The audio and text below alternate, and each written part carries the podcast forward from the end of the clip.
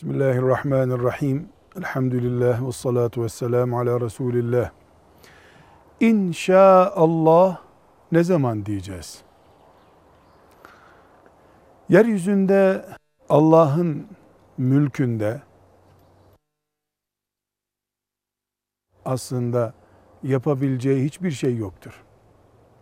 Ne yapılabiliyorsa iyi veya kötü o Allah'ın iradesiyle o işe izin vermesiyle olmaktadır. İnsan veya başka birisi yaptığını zannediyor ama doğrusu Allah'ın yapılmasına izin verdiği kadarını yapabilmektir. Bunun için Müslüman bir iş yapmayı istediği zaman bir iş yapma planı üzerindeyken bilir ve inanır ki Allah izin verirse o işi yapabilir. Allah'ın izin vermediği hiçbir işin yapılabilirliği yoktur.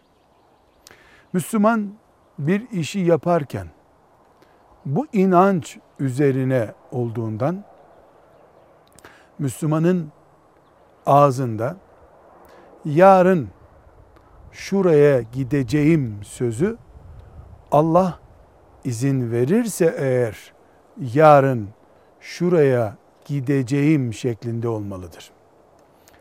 Allah izin verirse demenin Kur'anca ifadesi inşaallah'tır. Yarın inşaallah şuraya gideceğim.